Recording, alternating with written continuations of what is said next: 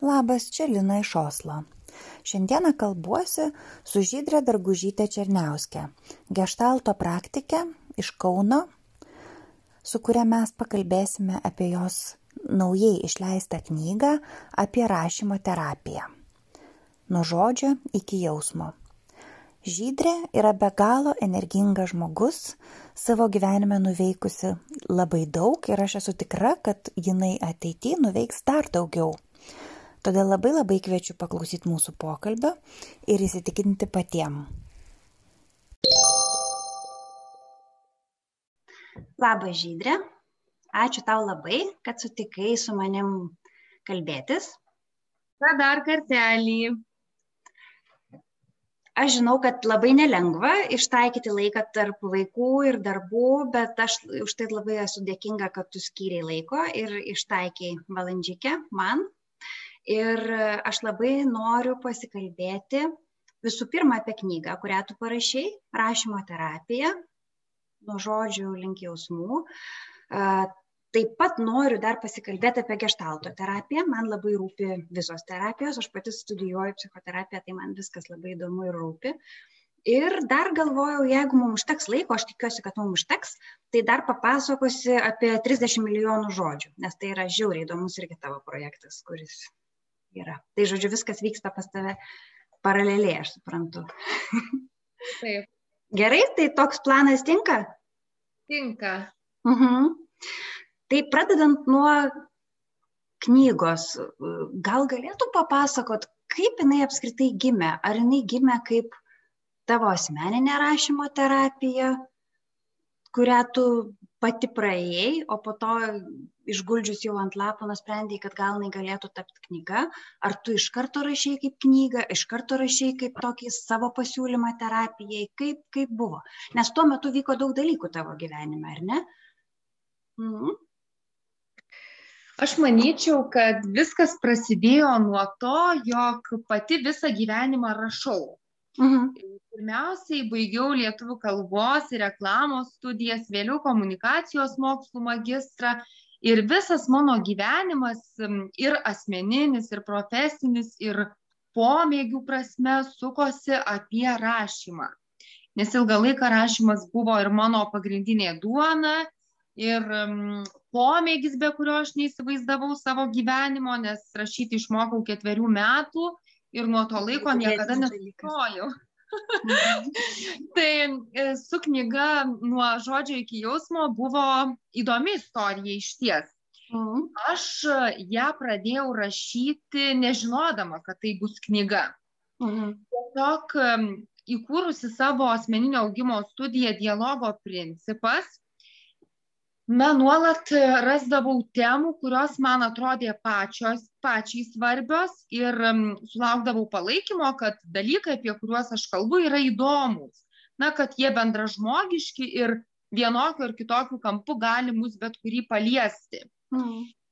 ir savo socialiniam tinkle pradėjau rašyti trumpus tokius kaip esė kaip istorijas trumpas kurios man labiau priminė ne literatūrinius kūrinius, bet e, terapinius kūrinius. Mhm. Ir kai po trejų metų aš vieną dieną atsisėdau perskaityti visą tai, ką aš pagaminau per tuos trejus, trejus metus, man pasirodė, kad tikrai yra iš ko rinktis, kad galiu, na, kritiškai pažiūrėjusi, sudėlioti savo tokį patirties kaleidoskopą, kuris, na, būtų ganėtinai universalus. Tai va tokia ta trumpoji versija šios knygos gimimo. E, o tai, tai, ką tu dalinaisi, kur tu dalinaisi, kokiam tu tinklė dalinaisi? Tinklapį savo? Net dialogo principas mm. vadinasi. Mm. Supratau. Tai žodžiu, kas nori, gali nueiti ir pasižiūrėti. Tavo knyga, tiem, kurie dar neskaitė, e, galiu pasakyti, kad jinai yra sudaryta iš dviejų dalių. Ir pirma dalis yra tokios refleksijos, o antra dalis yra tekstai ir pasiūlymai juos, pasiūlymai terapijai, potencija, žodžiu, terapijai. Tai kai tu parašai tos tekstus, kur dabar tu minėjai, tai čia buvo tie tekstai terapiniai, ar tai buvo, ar tai buvo tos refleksijos? Čia buvo pirmoji knygos dalis. Tie Aha. tekstai, kuriuos aš parašiau per trejus metus, buvo pirmoji knygos dalis, bet aišku, ne visus aš juos sudėjau į knygą, tik tuos, kurie man dar vis atrodė aktualūs ir svarbus, nes teko atsisakyti labai daug temų, kadangi, na, jos paskui nesugulė į dar ne visumą ir, žodžiu, na, aš taip gana kritiškai tuos tekstus įjojau. Ir po to man atrodė, kad, na, reikia dar kažko, ko mhm. dar Lietuvoje nėra, kas galėtų šiek tiek praplėsti apskritai rašymo terapijos koncepciją. Mhm. Ir tiesiog atsižvelgdama į savo patirtį ir į savo klientų patirtį, su kuriais dirbau vesdama kūrybinės rašymo dirbtuves, mhm. nes aš paraleliai ir rašiau, ir dariau rašymo terapijos mokymus mhm. grupėms žmonių ir vat iš jų gavau tą grįžtamąjį ryšį, kad tai, ką mes darom, yra įdomu, mhm. bet, na, tai daro visi skirtingai ir be abejonės, na, nėra niekur to užrašyta. Kaip galima pabandyti žmogui, kuris ne, nestudijuoja psichoterapijos, kuris nelanko netgi asmeninės terapijos, tai, mhm. na, tiesiog, kad jis suprastų, kaip įdarbinti tekstą, kad mhm. tekstas gali būti ne tik skaitomas ir apmastomas, bet kad jį galima perkurti, kad jį galima, na, savaip perrašyti ir iš jo gauti, na, individualios naudos, netgi mhm. tokios dvasinės, kuri paskui kažkur veda, ar veda į psichoterapeuto kabinetą, ar veda medį apsikabinti, ar veda, sakykime, tyloj pabūti. Mhm, tai čia paskui kas su, su tuo, ką, ką pats gauna procese, tai renkasi, ką daryti, bet, na, iš esmės, mano tikslas buvo paprastai žodžiais paaiškinti, kad tekstas gali būti tarnaujantis. Na, jis tarnaujantis ta vidinė prasme, kad kiekvienas žmogus, na, jį gali pamatyti per savo prizmę. Nors tai yra mano tekstas, bet rašymo terapijos procese mano tekstas tampa kito žmogaus tekstu. Ir mano prasmės tampa kito žmogaus prasmėm. na iš tikrųjų tai taip galima pasakyti turbūt apie bet kokį tekstą ir kūrinį, ar ne? Jeigu yra eilėraštis, kai jau jis yra parašytas, atspausdintas, paleistas į gyvenimą, tai turbūt mes visi skaitom ir išgirstam taip, kaip mes išgirstam, ar ne? Tai čia turbūt universalus dalykas tekstui.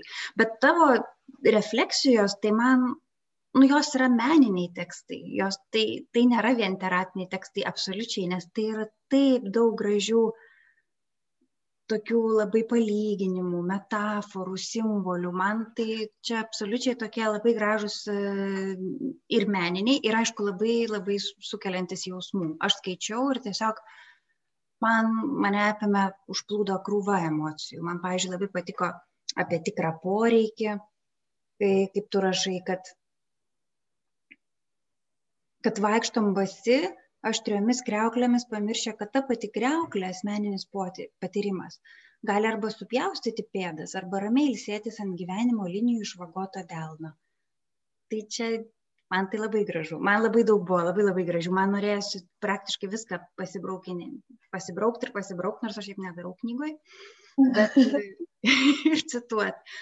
Ir dar man labai patiko apie molį ir tą laivą, kuriame buvo ten kažkoks nežmoniškas gilis. Ir aš skaitydama tiesiog įsivaizdavau tą laivą didžiulį, tokį atrodo tiesiog kažkokį mitinį laivą, kuriame yra begalinis dugnas, kurio tu vos žiūri, kur jisai yra, kaip jisai giliai. Tai, tai tikrai man tai labai labai tokie paliečiantis ir labai tokie faini, stiprus uh, tekstai. Uh, ir tu pačioj pradžioj rašai, kad terapiją reikia daryti su išmanimu ir kad jinai gali ne, nemokančio žmogaus, ne, neišmanančio žmogaus rankose tai, tai neveikia. Kas gali būti blogai, jeigu, jeigu netinkamas žmogus, jeigu ne, netinkamai vyksta, kas, kas gali būti ne taip, kam reikalingas apskritai terapeutas mhm. rašyme. Žmogus atsisėda ir rašo, ar ne? Kada tai tampa terapija, kaip tai vyksta terapija? Labai geras klausimas, aš manyčiau, Lina, ir jis yra kertinis apskritai visam šitam suvokime rašymo terapijos, dėl to, kad kai žmogus, kai tu, kaip pati sakai, rašo pats savo, jisai gali labai daug savo žaizdų atverti, bet paskui jos ir liks atidarytos. Ir, mhm. ir pavyzdžiui, asmo, kuris va, tą savyje atrado, jis gali jaustis labai nekomfortiškai ir nežinoti, o ką dabar su tom žaizdom daryti, mhm. kur tom pasidėti. Nes, sakykime, yra skaudulių, kurie gali būti tyliai ir skaudėti, bet gali būti skauduliai, kurie atidaryti ir tada jie gali net kraujuoti. Mhm. Tai va tada ir reikalinga, manyčiau, specialisto pagalba, kuri kaip vedanti tokia, padedanti gražiai į tuos skaudulius pasižiūrėti dar kartelį ir dar kartelį ir gal netgi juos šiek tiek apmaldyti tą skausmą, kartu kalbantis, kartu su jais išbūnant. Nes manyčiau, kad sunkiausias dalykas, vat, kuris vyksta, kai žmogus pats vienas vat, sėdi, rašo ir kai žiūri į savo tekstą, dar kartą jį perskaito ir patiria vėl per save, mhm. du dalykai gali vykti. Arba, sakykime, procesas ir lieka tik toks, mhm. kad kažkas sujudėjo, bet niekur toliau nenukeliavom su tuo. Mhm. Tai reiškia, kad tik pajudinom, bet realiai pokytis neįvyko. Mhm. O jeigu, pažiūrėjau, dirbama grupėje arba su terapeutu, kuris veda tą procesą, tai tuomet galima gilinti ir gilinti ir toliau eiti sesiją po sesijos, mhm. žodžiu, tęsti darbą, kad tai nesibaigtų su vienu tekstu. Nes vienas tekstas jis tik kažką pajudina viduje, bet jis negali, negali ir užbaigti to proceso. Nes rašymo terapija tai tokia testinė, ji nu, nėra tokios baigtinės, sakykime, datos, kada ji baigėsi. Nes mes realiai galim rašyti, rašyti ir tikrai turėsim ką savyje surasti. Bet aš teisingai suprantu, kad, kad rašymas iš esmės jisai išjudina tuos akmenėlius, kurie yra. Ir tuomet jau yra darbas su terapeutu tam, kad tuos akmenėlius sudėti vietą ir užlopyti tą, nu, neskylę gal, bet žaizdą, tarkim, ne, užgydyti kartu. Taip. Tai aš suprantu, kad tie, tie tekstai, jie vis išjudina vis naujus ir naujus akmenėlius, tai, tai yra, tame yra testinumas, bet iš esmės pats rašymas kaip toks, jisai nėra terapija, jisai yra kūrybinis procesas. procesas. Jis yra proceso, kaip galima sakyti, starteris, ar ne tas dėgymas. Labai puikus, man atrodo, tavo va, tas apibūdinimas, kad tai yra tik atspirties taškas, bet paskui norint eiti toliau, tai na būtina, būtina daryti tai santykyje. Mm. Nes šiaip, jeigu pavieniui daryti, tai gali tiesiog ir būti vadinama kūrybiniu procesu. Kad, sakykime, geras laiko praleidimo būdas, geras būdas nurimti, nusiraminti, sustoti, pagalvoti, pabūti, bet tai dar nėra terapija pati savaime. Mhm. Mhm, supratau, žodžiu, tai iš esmės, nebent galbūt, kai, kaip, kaip sakoma, kad, pavyzdžiui, laiškus rašyti net, kurių neišsiunti, ar, ar kažkaip panašiai, kur tu, nu, galbūt tai, tai negali pavadinti to terapija, bet tai šiek tiek palengvina galbūt širdį. Tu, tu kažką, kas susikaupė, nu, atiduodi, kad ir tam popieriaus lapui. Ir pasidaro gal lengviau šiek tiek vepuoti. Manau, kad taip, bet vat, tada sąmoningai reikia tokį tikslą savo ir išsikelti. Mhm. Vat, kodėl mes tai darom ar kad norim, sakykim, kažką palengvinti, ar kad norim tiesiog daugiau apie save suprasti. Mhm. Nes rašant iškyla visai kiti dalykai ir kitais kampais negu kalbant žmogui. Net, sakyčiau, net negu skaitant tą tekstą, nes skaitant atrodo plaukia, plaukia kaip upė tie žodžiai, tie jausmai, bet jie plaukia kažkur ir nuplaukia. Bet kai mhm. jie yra užrašyti, jie tarsi paskui kaip kokia siena atsistoja priešais. Ir vat dar kartą sako, vat pažiūrėk į mane, nu ką tu čia dabar vat, parašiai, ką tu suvokiai, ką tu atradai, kur tau mhm. skauda, kur, kur tau iš tikrųjų neramu, nemalonu, nes šitie netgi patys sunkiausi patyrimai, jie rašant, ypač rašančiam žmogui, kuris apskritai mėgsta rašyti. Uh mhm. -huh. Nes aš manyčiau, kad ši terapija neįmanoma būtų žmogui, kuris visai neskaito arba, sakykime, visai nemėgsta rašytinio teksto. Mhm, supratau, žodžiu, čia yra vis tiek tokiam grafomanui, tokiam bent mažiukui. mhm. Supratau, bet, bet iš tikrųjų įdomu, nes ne tik tai, kad mes galbūt ištuštinam tą savo kažkokį skausmų indą, bet iš esmės yra dar tas aspektas, kad mūsų tas tekstas gali nustebinti pačius. Jis atsisuka kaip veidrodis ir mes galbūt ne visada pamatom tai, ko tikėjomės, ką žinojom, kad ten galima pamatyti. Tai čia Manau, tam tikrą prasme irgi yra tie, tie kiti, taip sakant, iš pokilimo dalykai lendantis, kurie staiga ateina. Dažnai taip įvyksta toje rašymo terapijoje. Bent jau man tikrai labai dažnai, nes, pavyzdžiui, aš pati, kai rašau, galiu geriausiai pajausti, nes vis tiek tas tekstas yra mano ir aš jį tiesiog pamatau visai kitoj šviesoje. Man būna taip, kad aš perskaitau savo tekstą, parašytą jau po, po užduoties. Na, tarkim, yra refleksija, kurią aš naudoju kaip pagrindą, net ir dabar vadarau tokias terapijas pati savo, kai savo tekstus perkuriu dar kartelį. Mhm. Oho, oho, po metų dar kitaip galiu į tą tekstą pažiūrėti. Mhm. Antroji daly knygoje, ten, kur yra e, tekstai, e, kurie vadinasi terapinė galimybė, yra tekstukas ir paskui yra pasiūlymas, kaip galima dirbti terapinės sesijos metu. Tai iš tikrųjų labai daug tavo pasiūlymų, kaip galima perkurti, perskaityti, perskaityti, pasibrauk žodžius, kurie yra, atrodo svarbiausia, labiausiai rezonuoja, tie, kurie atrodo nesvarbus, perrašai, pratesi, skaitai nuo galo į priekį ir taip toliau ir taip toliau. Tai, žodžiu, iš tikrųjų, tiek yra galimybių ir man atrodo, kad netgi iš esmės pačiam vienam su savim dirbti, jeigu tu mėgsti rašyti, jau yra visai neblogai.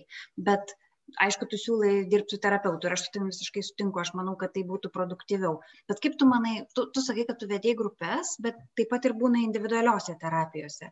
Tai tavo manimų grupės geriau veikia ar, ar individualiai? Aš sakyčiau, kad labai priklauso nuo žmogaus. Jeigu mhm. jis linkęs atsiverti, apskritai, vat, jeigu turi savyje tokią galimybę išreikštą, kad vat, aš galiu kalbėti drąsiai net ir prie kitų žmonių, Mhm. Tuomet grupė yra puiku, nes grupė įgimsta dar kitų santykių, kurie iškelia naujų temų, papildo vienas kitą. Na, žmogus vienas kitą gali tikrai puikiai papildyti mhm. ir dar gali kažkas iškilti. Tai man atrodo, kad grupinė terapija yra paveikesnė tada, kai susirenka ekstravertai, kurie gali laisvai komunikuoti, kurie geba sklandžiai mintis dėstyti, kurių apskritai žodinė raiška tokia nesuvaržyta mhm. ir gerai supranta, ką jie jaučia, gali įvardinti, o individuali terapija, manyčiau, kad tinkama bet kuriam žmogui, net tada, kai jisai na, sunkiai randa žodžių, pavyzdžiui, savo emocijom, jausmam pavadinti, kuriuos mm. kūnai jaučia. Tai nu, labai, labai iš tikrųjų sunku pasakyti, va taip, šimtų procentų, kad taip ar taip bet jeigu vat į patirtį kurią turiu su grupėm ir individualiais klientais atsižvelgčiau tai sakyčiau kad tikrai grupė yra labiau tinkama žmogui kuris turi daug žodžių gali laisvai taip eksperimentuoti ir ne tik gali gerai rašyti ir greitai bet kartu ir aiškiai tai na iškomunikuoti paskui kitiems. Supratau. E, žinai pasidalinsiu mano įspūdžiu asmeniniu visiškai gal ir neteisingas bet kai aš skaičiau e, tavo knygą tai man toks susidarė įspūdis e, man pasirodė kad refleksijos jos tokios yra trupučiuką pakilėtos nuo žemės jos taip sklando lyg ir ore labiau o terapiniai tekstai jie tokie man ant žemės pasodinti ir man pasirodė kad tavo refleksijos irgi pakankamai tokios asmeniškos bet man jos vis dėlto atrodė truputėlį abstrahuotos. O va terapiniai tekstai man atrodė visiškai jau iki kaulo nu toks savo nervas parodytas kur ir kas. Nes tu pavyzdžiui rašei apie apie tėčio mirtį ir kad ją išgyvenusi po savaitės rašei tą tekstą. Ir ten jaučiasi visas tas skausmas ir tas, tas ta netektis, jinai labai gyva tam tekste. E, bet, pavyzdžiui, rašiai ir apie gimti, refleksijose, kur taip trupučiuką viskas tokiam, man, mūsų tokiu polėkiu. Mhm. Tai ir, ką norėjau pasakyti, iš tikrųjų, kad man pasirodė, kad keletoj vietų aš taip vis pastebėjau, kad tu sakai, man sunku atsiverti, man sunku, kai jaučiuosi, kad man sunku nesaugu atsiverti. Lyg toks jausmas buvo, kad tau nėra labai lengva atsiverti kitiems žmonėms, taiga pradėti pasakoti apie savo jausmus, nenuskest, kaip tu sakai, ir užsidaryti ir nueiti save, o būtent atsiverti ir pasakyti, man blogai tas ir tas. Aš nebenoriu ar, ar noriu kažko, mano poreikis yra čia ir toks ir toks. Bet iš tų tekstų tavo terapinių, man atrodo, kad tu tiesiog visiškai rašai nuoširdžiai. Ta prasme, tu nesislepi nei žodžių, tu nescenzuruoji savęs, tu parašai kaip yra, kad tu labai nuoširdį ir labai atvira. Tai man toks, iš tikrųjų, aš galvoju, čia terapijos, čia tavo gestaltos studijos tau padėjo, ar tu visada tokia buvai, ar mano čia tiesiog toksai įspūdis, kuris yra visai neteisingas aš manau, kad čia šimtų procentų tu pataikiai dešimtuką tai sakydama, nes trejų metų laikotarpyje vyko labai daug mano vidinių virsmų. Aš pradėjau studijuoti gestalto psichoterapiją, baigiau dvi studijų programas, individualią ir grupinę. Ir tame procese aš keičiausi labiausiai ir gal mokiausi būti tikra pati savo visų pirma. Ir gebėti pasakyti apie tai drąsiai, kas man skauda, kur man iš tikrųjų labai labai sunku ir kur mane kabina, erzina tam tikri dalykai iki kaulo smegenų. Mm. Tai sakyčiau, kad tikrai tai yra šimtų procentų gestalto psichoterapijos įdirbis, indėlis ir viso to mano mokymosi proceso rezultatas. Mhm. Tai va tai, ką tu pastebėjai, va čia mano pačios tas asmeninis augimas jau ir studijų metu, ir individualios terapijos metu. Mhm kad tai vat galima kaip tokį atspirties tašką pasilikti, kad man tikrai nebuvo sunku jau paskui po šitų intensyvių studijų ir asmenės terapijos rašyti, kaip sakai, va tikrai mm, taip neviniojant žodžių į vatą ir nesislepiant tų žodžių, man labai patiko va šis tavo toks palyginimas, kad aš, na, tarsi išmokau parodyti visus savo skaudulius taip, kad jie nebūtų pridangstyti, nuglotninti, pukuoti ar kaip nors įvinioti į gražų popierėlį. Mm, nes čia turbūt yra rizika galbūt to žmogaus, kaip tu, kuri jau parašy antrą knygą ir kuri jau, kuri labai gerai valdo žodį ir dėl to tas labai jaučiasi pirmoji daly, kad tiesiog nu poetiškai labai jautriai ir labai tiesiog žodžiai tie pasverti ir kiekvienas kaip akmenėlis nukrenta į tą vietą sielą ir sujudina, ką reikia. Ir šalia tu parašai taip, kaip tu atrodo, tu nesislėpi ir nesistengi parašyti gražiai, nes aš manau, tas, kuris moka rašyti, jisai paprastai galvoja, kaip jisai yra. Vat, nu, taip čia biškai gražiau parašyti. Aš žinau, kad aš taip pati bent jau darau, save cenzuruoju, kad taip skamba gražiau, tas prie to tinka. Bet va tas savęs necenzuravimas galbūt ir yra rašymo terapijos tam tikra prasme nustoti save kontroliuoti, cenzuruoti ir atsipalaiduoti, leisti savo būti taip, kaip yra, bet kaip yra tiesiog. Bet tai irgi proceso dalis ir labai mhm. sunkus kelias iš tikrųjų, nes mhm. net ir dabar man būna momentų, kai atrodo rašau tik pati savo, bet vis tiek tas vidinis cenzorius yra. Mhm. Nors žinau, kad niekas neskaitys mano teksto, bet kartais vat, jis neišsijungia, jis kaip piktas šuo toksai prie būdos. Aš žinau, kas tai yra, aš, aš irgi jaučiu tai. Atrodo, kažkas vat neleidžia iš vidaus, net pačiai baisu to, ką, ką vat norisi parašyti. Mm. Tai dėl to aš, va, pažiūrėjau, kai šiaip pasakoju apie šią knygą, man visą laiką jinai yra kaip pačios atvirumo paminklas toks, na, žodžiu, kaip kaip dalykas, kuris, na, apie mane labai yra, nes ten mhm. aš, va, toj knygoje tikrai, man atrodo, esu tiek, kiek galiu, sąžininga, atvira ir, ir tiek, kiek galiu, nusirengusi. Mhm. Na, taip metaforiškai pasakiau, bet e, iki šito momento man reikėjo labai daug dirbti. Ir mokytis, ir dirbti, ir kentėti, ir verkti, ir nemiegoti ir, žodžiu, daug, daug, daug procesų. Žodžiu, išmokti naujų elgesio modelių, kurie labiau yra mano. Nusijimti visas socialinės kaukės ir, žodžiu, tikrai pasižiūrėti rimtai į savo dalykus, kurie vyksta gyvenime, nes kitaip, na, būčiau to asmeninio progreso, kurio aš siekiau nepadariusi tam tikrose srityse.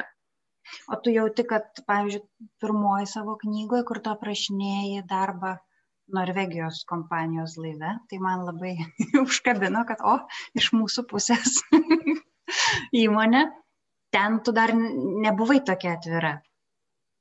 Aš manau, kad jau buvo šie procesai man jie sujudėję ir aš tikrai na, toje pirmoje knygoje neslėpdama, sakykime, įvardinau tam tikrus dalykus, mm. bet kadangi pats darbas, sakyčiau, na, dirbti kruiziniam laive apskritai labai specifiška yra. Tai jis tam tikrą prasme ir šiaip žudo jausmus ir asmenybę kaip kūrybišką. Tai dėl to gal ta knyga yra šiek tiek kitokia, su daugiau autoironijos apskritai, ji tokia, sakyčiau, na, šiek tiek šaržuojanti tam tikrus dalykus ir juos leidžianti pamatyti skaitytojų pačiam, taip kaip jis nori, neprimetant gal tos labai mano autentiškos patirties. Mm. Nes turbūt pavyzdžiui, kitai merginai gal nesikartotų tos situacijos arba kitokius jausmus sukeltų tam tikri dalykai. Tai aš va toje knygoje tarsi palikau galimybę tik tai vieną mano kelią pamatyti, bet nepriimti jo kaip šimtų procentų teisingo, kaip vienintelio ir tikrai mhm. to darbo numenkinti ir sakykime, kažko kito iškelti ir išaukštinti. Mm.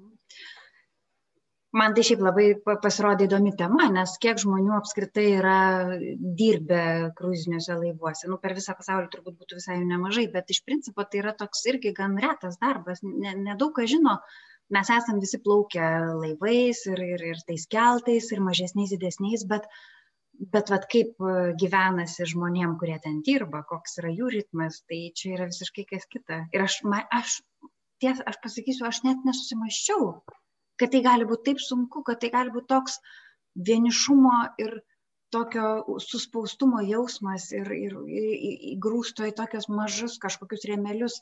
Aš net niekada nepagalvoju apie tai tiesą pasakius. Tai, tai tam tikrą prasme labai įdomu, labai tokia įdomi patirtis.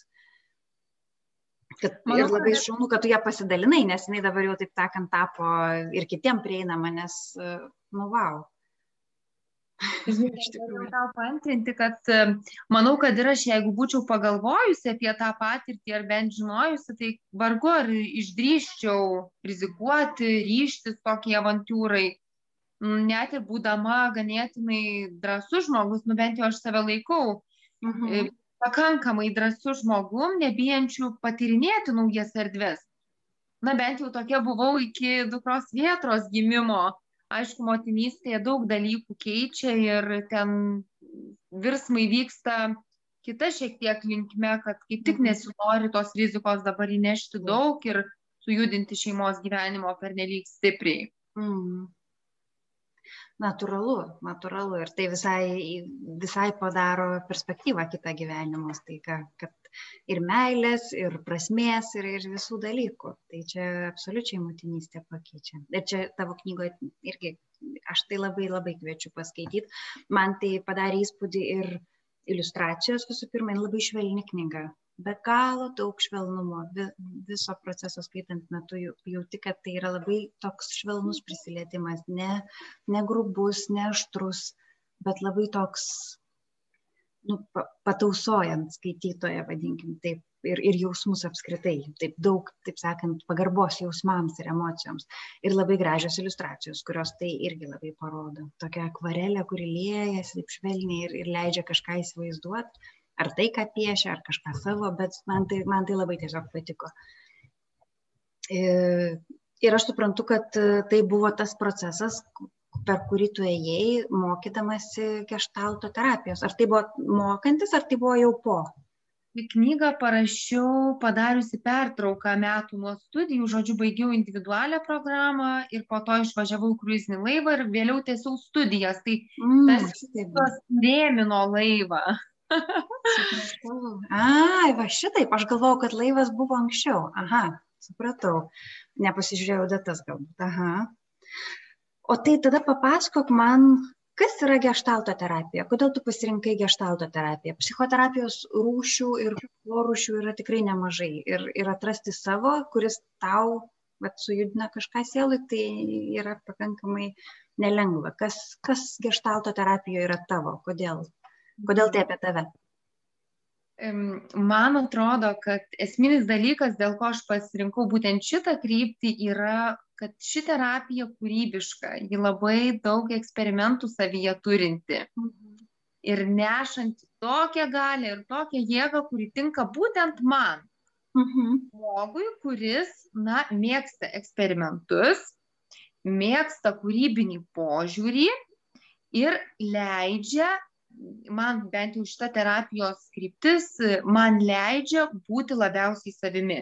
Nes aš mhm. galiu toliau rašyti, aš galiu visą tai, ką aš nešuosi iš savo prieš tai buvusio profesinio gyvenimo, sakykime, mano darbas ir žiniasklaidos kanaluose, ir televizijoje, na vis tiek buvo su kalba ir su žodžiu mhm. susijęs ir su žmonėmis. Tai dabar ta terapija, kurią aš studijuoju, tarsi visą tai įdarbina transformuodama. Mm. Kad vis tiek lieka žmonės, vis tiek lieka kalba, kaip pagrindinis raktas, kuriuo aš vakinu gyvenimą. Gal tai pasakyčiau trumpai bet geštalto terapija nebūtinai turi rašymo terapiją savyje. Ten yra ir, pavyzdžiui, molis, yra dar, kaip aš suprantu, kad galima eksperimentuoti. Tai, bet jeigu apibūdintum, kas tai yra geštalto terapija, kuo jinai skiriasi nuo kitų, ko, kokia yra jos filosofija? Sakyčiau, kad esminis dalykas, kuria, kuris ją skiria nuo kitų terapijų, yra nedirektyvus požiūris. Ką tai reiškia, kad ji leidžia žmogui būti tokiu, koks jis yra, nekeisdama žmogaus per jėgą, per tai, kad na, naudojamos tam tikros priemonės, kurios spaudžia žmogų į kampą. Tai labai draugiška žmogui terapija, aš sakyčiau, kuri na, vadovaujasi požiūriu, jog kiekvienas žmogus turi teisę ir galimybę būti pats savimi. Tai reiškia, kad artėti link savo savasties tais būdais, kurie jam priimtini ir tuo tempu, kuriuo jisai gali artėti. Mhm. Tai reiškia, kad nėra direktyvumo, primetimo, kaip mhm. tą daryti, nėra interpretacijų jokių, nėra tam tikrų šablonų, pagal kuriuos dirbama. Kad terapeutas su klientu dirba iš vien ir abu yra lygiaverčiame santykyje ne autoriteto, taip sakant, ne, turi galvoje. Mhm. Tai yra tokia santykio terapija, kurioje, na, abu ir klientas, ir psichoterapeutas jaučiasi komfortiškai dėl to, kad, na, abu papildo vienas kitą ir klientas jaučiasi labai gerai dėl to, kad jisai neteisiamas, ne, nespraudžiamas į rėmus. Na, sakydama labai gerai, kalbu apie save labiau, kad man kaip kūrybiškam žmogui buvo labai svarbu, kad su manim, pavyzdžiui, nebūtų dirbama pagal schemą. Kad mhm. jeigu man, sakykime, vyksta taip ir taip, tai yra tas ir tas.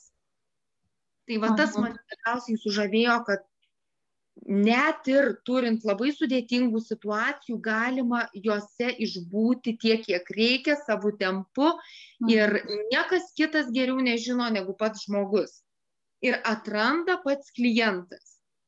Terapeutas mhm. jam neprimeta jokių galimybių, patarimų ir neskatina pasirinkti vieno ar kito elgesio būdo, modelio, bet leidžia pačiam klientui santykėje su terapeutu atrasti, kas jam labiausiai tinka ir tik tada veikti, kai jisai, pat klientas jaučiasi pasiruošęs. Supratau, tai uh, tu sakai, kad terapeutas neinterpretuoja. Tai žodžiu, nėra taip, kad... Ką tada daro terapeutas? Būna, veda, bet atsiliepdamas, paryškindamas tam tikrus momentus, kurie vyksta santykyje, paskatindamas saugios rizikos zonoje ryštis tam tikram eksperimentui, bet vėlgi klientas turi galimybę ir teisę atsisakyti, jeigu dar yra nepasiruošęs. Mhm. Tai terapeutas būna, stebi, atliepia, paryškina. Mhm. Žodžiu, jisai yra toks stebėtojas, bet labai atidus stebėtojas. labai atidus, labai fenomenologiškas. Tai reiškia, kad viskas, kas vyksta čia ir dabar, yra svarbu. Ir kas dar man labai patinka šitoj terapijoje, kad praeitis yra svarbi tik tai tiek, kiek jis svarbi dabar. Šiuo momentu, kai mes esame santykyje. Hmm. Mhm. Ir nėra to. Čia skiriasi nuo, pavyzdžiui, kitų terapijų, nuo psichoanalitinės, pavyzdžiui, krypties, kur labai daug yra gilinamas į vaikystę, į praėjusius dalykus ir juos išnagrinėjus ir išanalizavus, tada jau galima vėl grįžti čia ir išsiaiškinti, kodėl dabar aš darau, kodėl aš turėjau, turėdamas tą patirtį, vat, pasirenku šitaip ir kažkokius įjungia į manyje mechanizmus. Tai čia yra labai svarbus tas čia ir dabar. Aš tą girdėjau ne kartą, kad čia ir dabar mes esame ir ką mes čia randam, tą mes dabar ir veikiam. Taip, ir vaikystė jinai svarbi tik tai tiek, kiek ji man svarbi dabar. Jeigu va šiuo metu aš esu santykė su terapeutu ir aš sakau, tarkim, kaip pavyzdį, kad kai man buvo ketveri metai, kaimynė Onutė man pasakė, kad aš labai negraži mergaitė ir dabar aš vat kenčiu. Kenčiu dėl to ir man, ir sakykime, dėl to nešioju va šitas gėlytės, kad būčiau graži. Tai va tada dirbama su tuo. Bet mhm. jeigu pats klientas neiškelia šitos situacijos einamuoju momentu, terapeutas vaikystės nenarsto ir nenagrinėja taip specifiškai, kad va dabar pradėkim nuo tavo vaikystės ir tada judėkim iki dabarties. Mm. Tu vienoje refleksijoje rašai, kad nesvarbu, kiek laiko praėjo nuo skausmingo patyrimo, jis niekur nedingo, jeigu jį gydo tik tai laikas. Taip. Kitaip tariant, pats laikas, jisai labai daug turi galių iš tikrųjų, bet jis negydo pats vienas. Tam reikia, ko reikia dar? Reikia santykio. Aš manyčiau, kad reikia aktyvaus santykio, kuriame žmogus nekritikuojamas, neteisiamas, kuriame nėra dalinami patarimai. Mhm. Tai va tokio gydančio santykio, kuriame žmogus, būnantis kartu su terapeutu, šiuo atveju klientas, jaučiasi priimtas šimtų procentų. Ką tai reiškia? Priimtas toks, koks yra. Negražus, įsipurvinęs, kenčiantis, miegantis per terapiją, užsimerkęs, užsimerkęs, kryvom ausim ar, ar, ar sakykime, puljuojančią sielą. Mm. Būtent su tuo, kas yra šiandien ir žiūrim, kur tai mus nuves.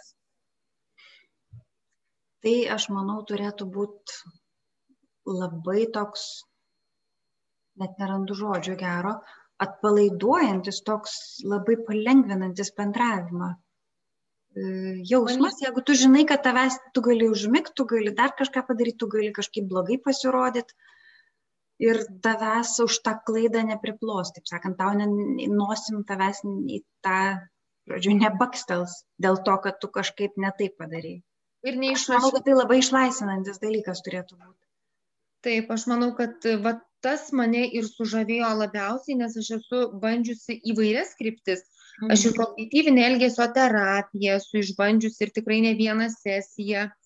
Ir dar yra terapijų, kurias aš bandžiau, bet tiesiog, na, kurios man iš vis atrodo, nu, netinka kaip žmogui, nes labai sunku mane įstatyti į tam tikrą rėmą ir dar įkvėpti jame sėdėti. Mhm. Tai aš ieškojau, kad um, nebūtų jokių suvaržymų būtent asmenybei. Mhm.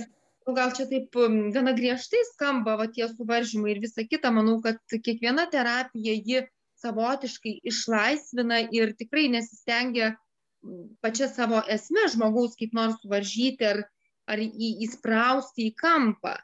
Bet man gestalto psichoterapija yra jautriausia gal tuo, kad va tas čia ir dabar jisai, na tiesiog nuima visus nereikalingus aspektus, kurie, sakykime, na kaip ir nekeičia esmės.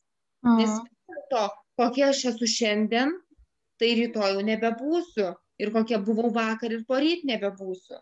Tai tik tokia, kokia atsėdžiu su tavim, tai aš dabar esu. O mhm. rytoj, jeigu mes kalbėsim, gali būti, kad naujų dalykų iškils. Tai va tas, nu, man nesinorėjo va tų tokių štampų, kad jeigu, sakykime, vaikystėje buvo taip ir taip, kad būtinai va tas ir taip yra dabar. O tai kaip tada supratau, nors aš, aš įsivaizduoju, kad čia yra toksai paslėptas, man, kaip čia nepaslėptas, bet toks e, pavandeninis akmenukas, kad klientai juk labai nori išgirsti patarimą, jie nori, ateina ir sako, man tas, tas, tas blogai, nu tai suremontuokit mane, padėkit nes labai žmogus ieško patarimų kartais, nes kai tu baksnojas ir vis atsitrenki į sieną, tu jau, jau pavargsti nuo to, išsikamuoji ir tada turbūt pradedi sakyti, pasakykit man, nu padėkit, nu parodykit man, kur tos duris yra, bent jau langas, nu bent jau, bent jau koks maž, mažas langelis, parodykit man. Tai čia yra tam tikra prasme patarimai nesidalina, tiesiog būni toks, koks esi ir pats susirasi tas savo duris, kurios tau reikalingos. Ateina tie atsakymai ir duris tikrai atsidaro, bet gali ir dešimt metų tęstis terapija ir terapeutas neduos nei vieno patarimo ir nei vienos interpretacijos nepadarys. Mhm. Tai, na, turiu omeny. Spaudimo iš klientų nėra ta tema? Kaip? Nėra spaudimo iš klientų? Ne, nėra spaudimo iš tikrųjų, nes tie, kurie na vis tiek pasiryžta ilgiau darbuoti su savimi, tai būna jau pasidomėję šiek tiek ir jau galbūt kitų krypčių paragavę, sakyčiau, ir mhm. manyčiau, kad, na, bent jau supranta, kur jie atėjo. Mhm. Kad, kad jie tą kontraktą, žodžiu, priima tokį būtent. Mhm. Manau, kad taip. Supratau. Įdomu iš tikrųjų, man man labai priimtinas iš tikrųjų tas e, patarimų nedalinimo ir buvimo šalia, o ne, o ne kažkur tai tempimo ar, ar stumimo tam tikrą e, kryptim, kuri, tarkim, atrodo teisinga terapeutui. Net jeigu jis ir mato, kur, kur turėtų, bet, bet kad tu to nedarai.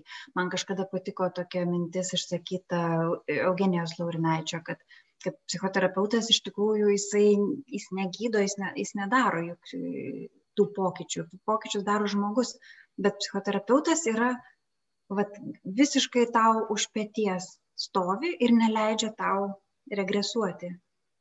Ta prasme, atsisakyti to, ką jau pasiekėm. Jisai stovi ir palaiko tave tavo tam procese, kad tu eitum į priekį ir auktum.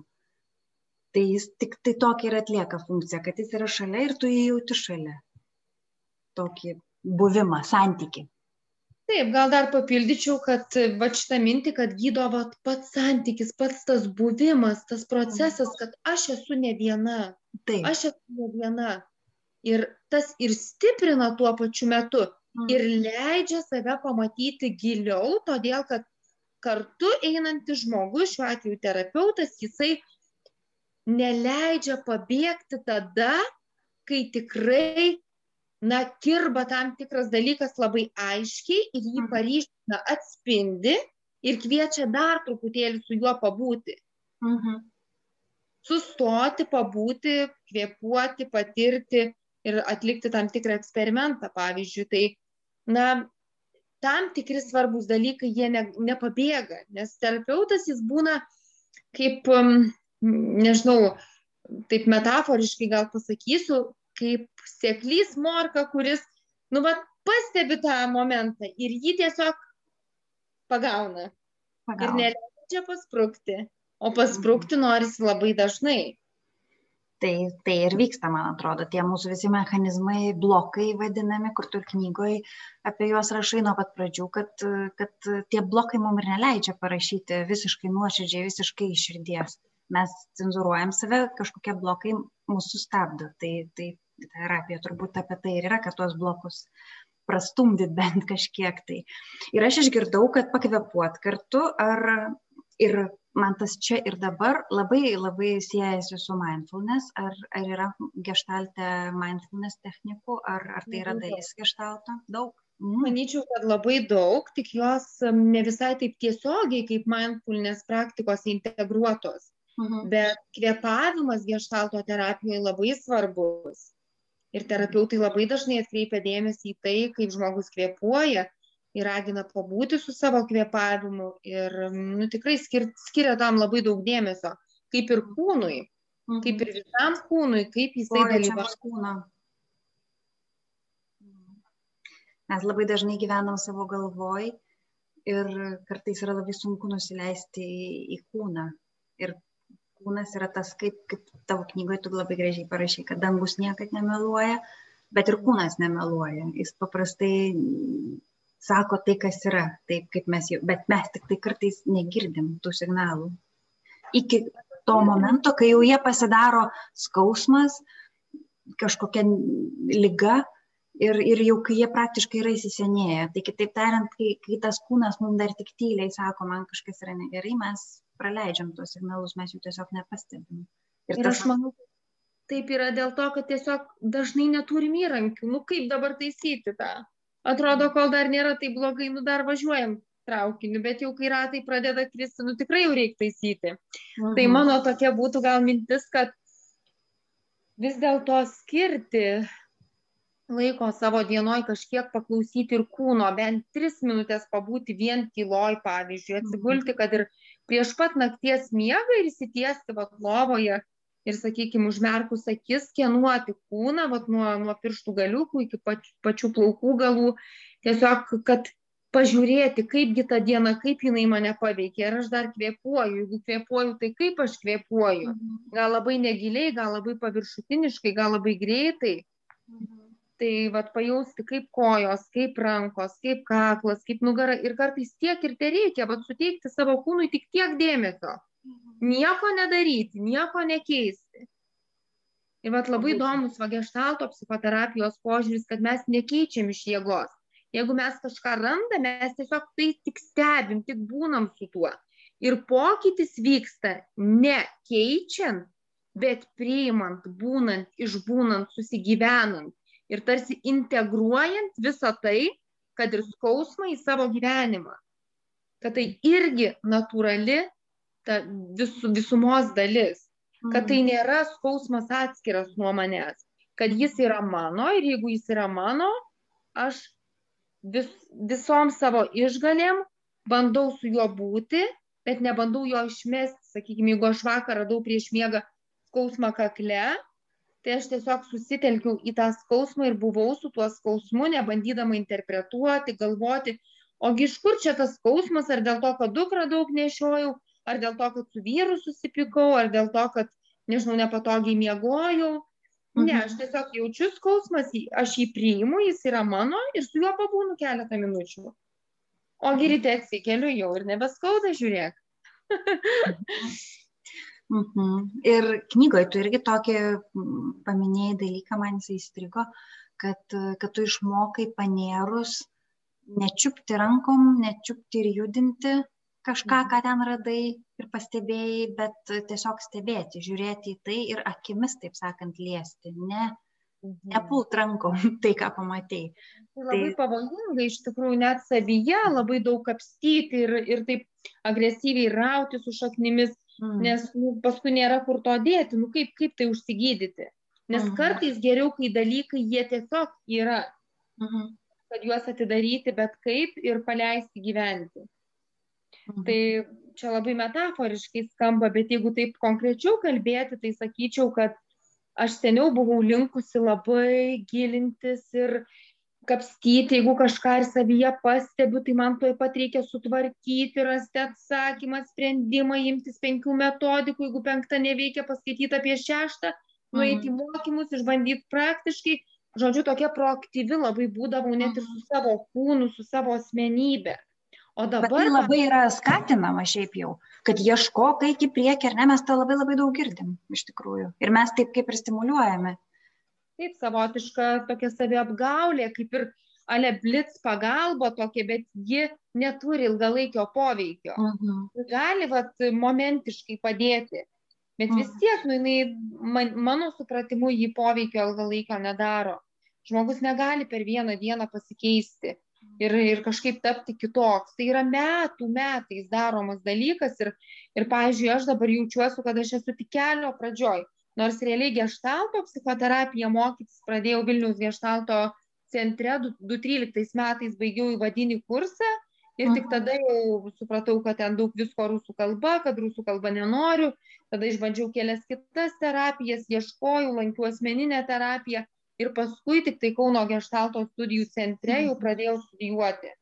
Tai dabar vat, nuo 2013 praėjo nu tikrai nemažai metų ir aš dar vat sakau, kad aš esu tik kelio pradžioj dabar. Todėl greitų rezultatų, ypač gestalto psichoterapijoje, nu, jų tiesiog, mano supratimu, nu, jų negali būti. Negali. Ma, mūsų gyvenimas vyksta daugybę metų, tarkim, man dabar yra 35. Tai jeigu aš per savo gyvenimą užgyvenau, kaip sakant, tam tikrus elgesio modelius, net ir jeigu jie man nepatinka, bet aš, nu, negaliu jų per vieną dieną atsisakyti, transformuoti, pakeisti, nu, tai, mhm. tai yra visiškai nerealu. Mm. Aš manau, kad va, tas darbas su savimi tai yra toksai be forsavimo, be skubėjimo, jisai trunka visą gyvenimą, jeigu jau dirbama su savimi. Tai iš tikrųjų, taigi žmogus visą gyvenimą turi aukti ir čia nais labai yra tas aspektas kantrybės. Kantrybė yra, man atrodo, ta tokia, nu man, pavyzdžiui, labai jos trūksta ir apskritai ją išsiugdyti. Tai gali tik tai nu, nuslopinės arba nenuslopinės, bet kažkaip įvaldęs nerimą, kai jisai truputį nurimsta, nu, nustoja tos mintys bėgti ir bėgti ir bėgti, vis tokiais vis greičiau ir greičiau.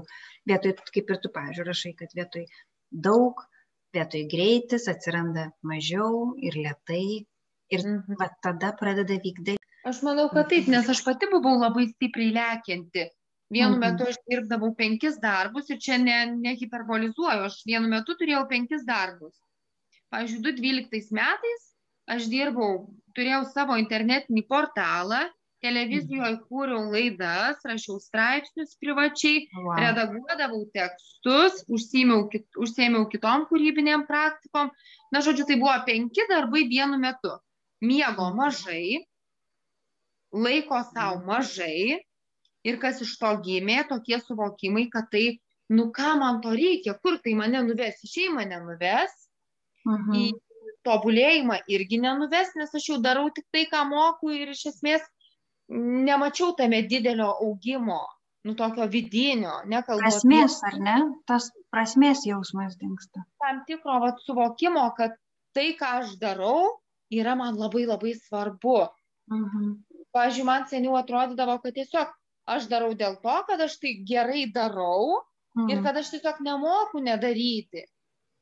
Mhm. Maksimalizmas, darboholizmas, perfe perfekcionizmas ir daugybė kitų dalykų. Ja, mūsų visi izmai, kurie mus labai lydi. Mhm. Ir va tada, kai aš jau po keliarių metų intensyvios asmeninės terapijos, beje, ji buvo ne gestalto krypties, paskui tik tai atsirado jau gestaltinė, bet iš pradžių buvo kitos krypties. Ir aš, pavyzdžiui, aš įsivaizdavau, kad aš labai daug pastangų dedu į savo asmeninį augimą, bet tos pastangos kartu su tokiu nežmonišku tempu, jos, na, niekaip negalėjo manęs vis tiek sustabdyti. Mhm. Aš turėjau sąmoningai pasirinkti, išsigryninti va tuos kelis prioritetus ir tik tada, va, man asmeninė terapija nu, buvo tikrai veiksminga, kaip aš sakau, kažkas pradėjo man jie vykti, suvokimai nauji ateiti ir tikrai ne iš proto jie atėjo, bet tiesiog aš nebenorėjau iš vidaus tiek daug lėkti, bėgti, užkeliauti, kaip Makalius sako, nu aš per metus 13 kelionių turėdavau. Tai, mhm. nu kai aš suvokiau, nu kam to reikia, nu kam, jeigu aš tik prabėgu. Persisotinimas toks, ne. Absoliučiai. Ir, ir va tas va, iš to, aš manyčiau, ir gimė didžioji dalis dalykų mano kaip, sakykime, na jau kaip žmogaus, kuris pats nori ne tik tai pats tobulėti asmeniškai, bet ir mokytis rimčiau, kad ateityje tai taptų nu, nauja mano prasme. Mhm, supratau. O kai tu tiek daug keliavai, klausyk, ir, ir iš tikrųjų ta gyvenai ne, ne Lietuvoje, netgi keletą periodų, ar ne? Bet tau nebuvo kilus mintis emigruoti, arba galbūt kilo ir persigalvojai. Turi kokių minčių apie gyvenimą kitoj žemėje? Kas kart vis naujų ir aš vis bandydavau, nesgi aš eksperimentuotoje. Gyvenau Italijoje, gyvenau Suomijoje, gyvenau Amerikoje ir niekur negalėjau gyventi dėl to, kad širdis šaukė grįžti į Lietuvą. Mhm. O grįžus į Lietuvą vis tiek norėjau keliauti, nesgi nemokėjau sustoti. Tai koks čia ratas užvirė, kad noriu, nes nemoku, o nemoku, nes dar neradau, kas, man, kas tikrai man veiktų. Tai, tai va, tai... Vėtra atėjo į tavo gyvenimą ir tave nuramino. aš, manyčiau, Vėtra yra tavo dukrelės vardas. Taip, pirmiausia atėjo gestaltas, tada vėtra. Aš sakyčiau, kad bet dukros gimimas jau antras buvo mano toks lėt, sąmoningo lėtėjimo etapas. Mhm. Nes tikrai vadinu jau sąmoningo lėtėjimo, nes dukra buvo planuotas vaikas ir, na, kadangi motinystė vėlyva, tai tikrai reikėjo daug sprendimų padaryti, mhm. kad pasiryšti visiems procesams. Na ir aišku, vėl turėti pertrauką nuo studijų, nes tikrai nenorėjau bėgti, lėkti ir nuskriausti arba vaiko, arba savęs. Tai pasirinkau tiesiog išbūti ir manau, kad dabar tai mano, na, pati sudėtingiausia ir pati tikriausia, griniausia psichoterapija, nes man atrodo, kad vaiko auginimas, jeigu jis tikrai vyksta sąmoningai su mm prieraišiu modeliu ir apskritai su tokiu nuolatiniu savęs ir kitų žmonių stebėjimu ir išbuvimu, tai, na, nežinau, kas dar gali būti stipriau. Ir aš nežinau, kas gali būti stipriau, nes iš tikrųjų labai daug dalykų įjungia, tiesiog tavyje įjungia motinystė ir vaikas uh, vaikas yra tas santykis, kuriame tu turi ir išbūti, ir kantrybės išmokti, ir, ir kartais sustoti tada, kada reikia sustoti. Labai daug dalykų, jie tiesiog realizuojasi natūraliai, nes tu kitaip negali daryti. Tai reikia atsiliepti iš tikrųjų, bet tam reikia, aišku, galbūt sustoti. Ir labai natūraliai, va tas man patinka, kad pastangų iš esmės reikia dėti tik tai tam, kad naujų dalykų išmokti, sužinoti, bet realiai ta ta vidinė pastanga, jinai tarsi plaukia pati savaime. Mhm. Jo, man labai patinka tas su, su vaiku, su ypač mažais vaikais, kad yra tas toksai labai ryškus tas flow momentas, nes tu tiesiog plauki su tuo procesu, nes jį užduoda vaikas, tą ratą suka vaiko poreikiai ir tiesiog tu natūraliai sukiesi tam rate. Tai toks labai gražu iš tikrųjų. Aišku, kartais tai sukelia ir streso ir visokių dalykų, tai motinystė yra, ne vien tik tai grožis, bet man atrodo, kad jeigu atsipalaiduoji, tai kartais pavyksta labai gražiai plaukti, plūduriuoti tam procese.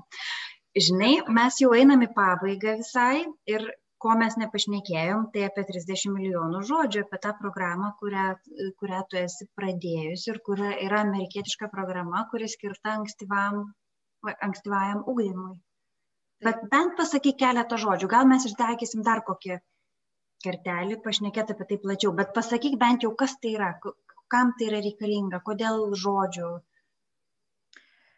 tam, e, kam reikalinga ši apskritai programa, tai sakyčiau šeimai, nes be jos labai sunku sąmoningai sudėlioti visus santykius, ne tik su vyru, bet ir su vaikais, ar ten, sakykime, su darbais, ar su būtim. Mhm. Na, ji mhm. tokia apjungianti. Ne tik skirta lavinti vaikų smegenis, bet sakyčiau, kad tėvų apskritai smegenis.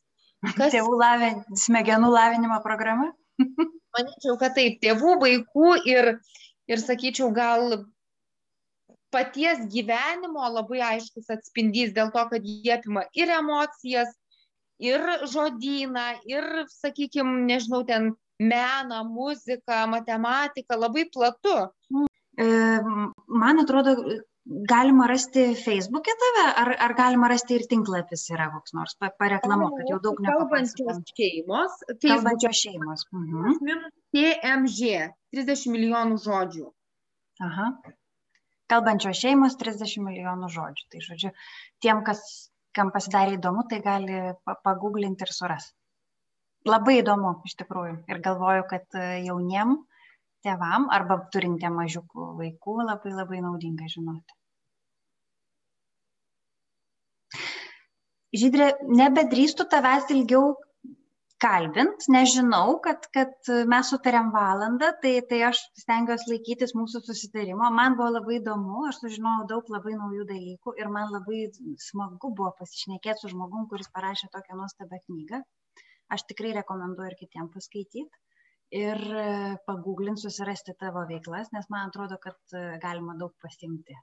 Ir tėvams, ir, ir tiem, kuriam reikia galbūt augimo ar, ar to jausmo pripažinimo, prieimimo. Tai ačiū tau labai. Ačiū tau, Lina, tikrai jaučiausi priimta, išgirsta ir kas man svarbu, kad gražinai mane vėl prie knygos, kuri šiek tiek mano galvoje buvo nurimusi ir dabar aš galbūt vėl šiek tiek pradėsiu su ją turėti santyki ir tiesiog naujai perskaityti, net įkvėpiai, nes tikrai...